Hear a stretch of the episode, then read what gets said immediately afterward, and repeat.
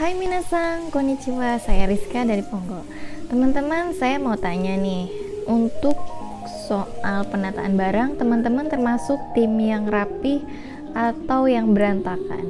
Nah, rapi di sini maksudnya teman-teman menyimpan barang sesuai dengan kategorinya. Jadi misalnya buku tulis ya teman-teman taruhnya di uh, meja belajar. Jadi ketika teman-teman sekolah teman-teman gak sibuk cari bukunya di sana sini atau bahkan mau ngobrak-abrik isi lemari, isi kamar, tapi teman-teman langsung ambilnya di meja belajar. Nah, kalau teman-teman memang memiliki kebiasaan seperti itu, menyimpan sesuatu berdasarkan kategori atau tempatnya, maka teman-teman ketika bekerja di perusahaan Jepang nanti akan mudah beradaptasi dengan sistem budaya kerja Jepang. Wah, Kenapa seperti itu ya?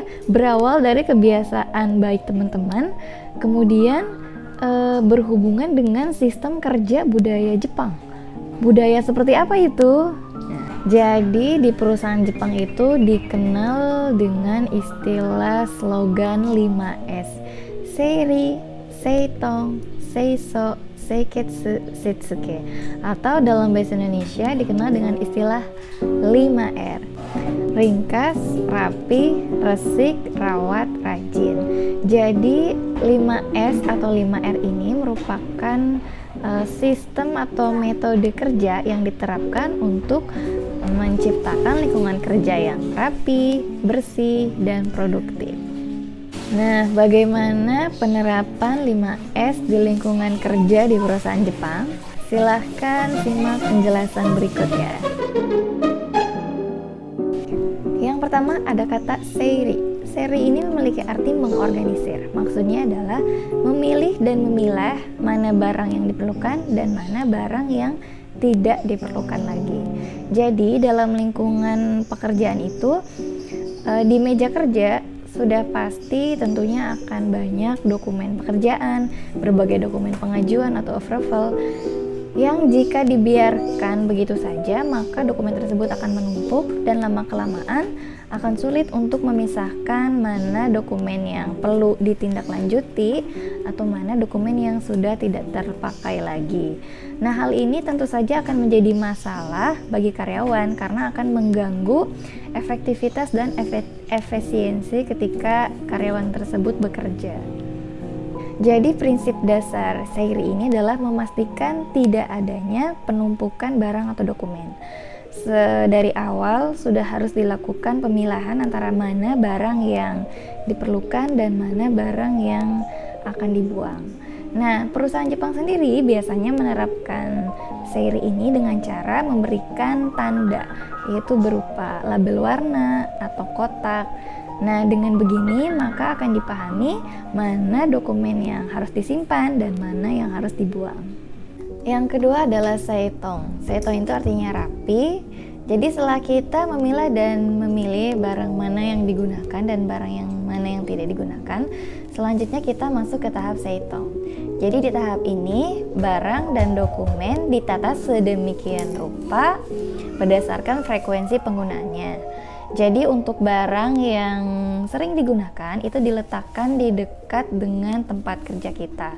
Hal ini bertujuan agar kita mudah menjangkau barang atau dokumen tersebut. Nah, sebaliknya untuk barang-barang yang jarang digunakan diletakkan di penyimpanan yang lebih jauh. Nah, kenapa sih setong ini penting banget? Nah, hal itu tentu saja karena ya karena kadang kita tidak menyadari bahwa kita banyak membuang waktu produktif hanya untuk mencari atau menjangkau barang yang berbeda untuk uh, keperluan pekerjaan kita. Untuk peletakan barangnya sendiri, selain disusun berdasarkan frekuensi penggunaan, juga harus dipastikan bahwa barang dan dokumen tersebut disusun sedemikian rupa sehingga mudah untuk dikeluarkan dan dikembalikan kembali ke tempat semula. Jadi tidak ada uh, usaha ekstra untuk mengeluarkan atau memindahkan barang tersebut. Jadi benar-benar diperhatikan uh, efisiensi waktu dan tenaga. Nah, posisi ideal untuk tempat penyimpanan itu adalah jadi tempat tersebut masih berada di antara mata dan pinggul, tidak terlalu tinggi dan tidak tidak terlalu rendah. Nah, yang ketiga adalah seiso. Seiso ini memiliki arti membersihkan. Artinya kita memastikan menjaga kondisi barang atau benda dalam keadaan baik, yaitu dengan cara melakukan pembersihan dan perawatan secara rutin.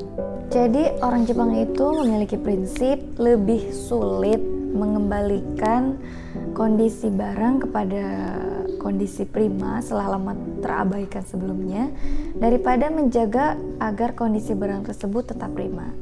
Ya, dengan kita menjaga kondisi barang dalam keadaan baik, maka itu juga akan memperpanjang masa pakai dari e, barang tersebut dan juga mempercepat waktu pekerjaan.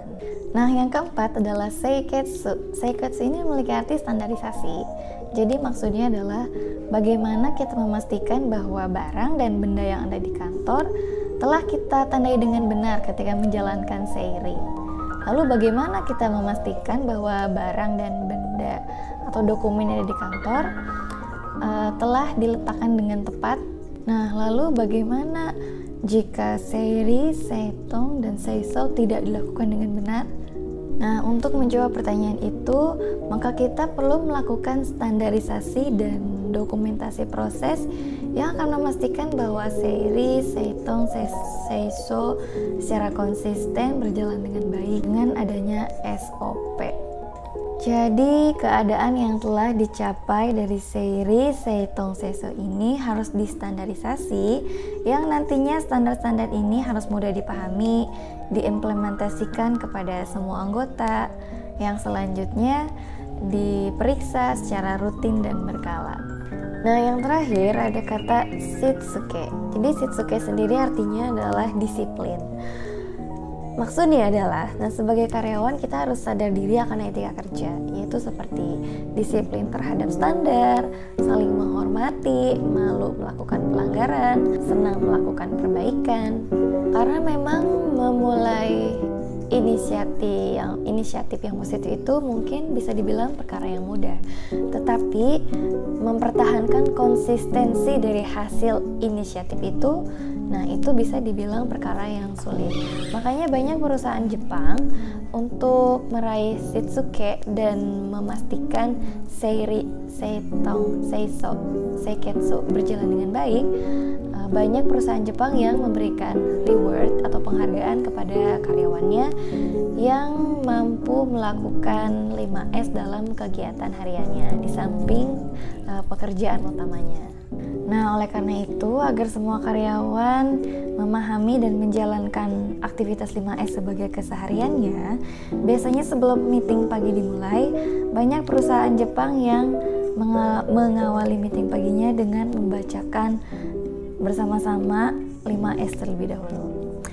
Oke teman-teman, sekian aja penjelasan tentang budaya kerja Jepang terkait 5S. Sampai jumpa di pembahasan selanjutnya. Bye bye.